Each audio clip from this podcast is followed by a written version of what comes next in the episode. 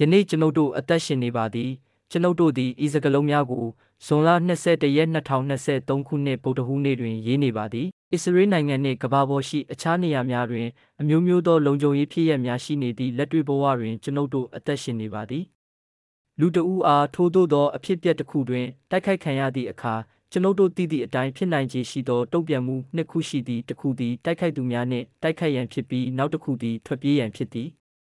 ဒါပေမဲ့ဒီလိုအခြေအနေမျိုးမှာသူ့ကိုယ်သူတွေ့ရတဲ့မတန်ဆွမ်းသူနဲ့ပတ်သက်လာတဲ့အခါမကြာခဏဆိုသလိုဒီတုံ့ပြန်မှုနှစ်ခုလုံးကမဖြစ်နိုင်ပါဘူး။ဒါကြောင့်တေချင်းထောင်ချောက်ကိုဖန်တီးပါတဲ့ထို့ပြင်မတန်ဆွမ်းသူများစွာအတွက်ရုပ်ပိုင်းဆိုင်ရာမတန်ဆွမ်းမှုသည်မတန်ဆွမ်းသူအားမိမိကိုယ်ကိုခုခံကာကွယ်ရန်အတွက်တနက်ကင်ဆောင်ခွင့်မပြုပေ။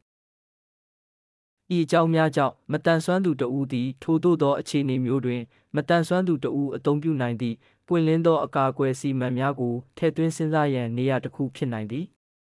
ထို့သောသောအကာအကွယ်စီမံကိုဖွံ့ဖြိုးလာပါကမတန်ဆွမ်းသူအချို့ကစော်ကားခံရနိုင်သည်ဟုယူဆခြင်းလက်ခံထားသောအမဲဆက်များနှင့်ဆန့်ကျင်ဘက်ဖြစ်သောကြောင့်မတန်ဆွမ်းသူသည်အမြဲတမ်းဆင်းရဲသူသို့မဟုတ်လူကောင်းမဟုတ်ပါမတန်ဆွမ်းသူများဤကဲ့သို့သောအကာအကွယ်စီမံများကိုလက်ခံရရှိရန်သို့မဟုတ်အသုံးပြုခွင့်နှင့်မြည်သို့သောအခြေအနေများအောက်တွင်ရှိစေမည့်စံနှုန်းများကိုချမှတ်ရန်လည်းစဉ်းစားသင့်သည်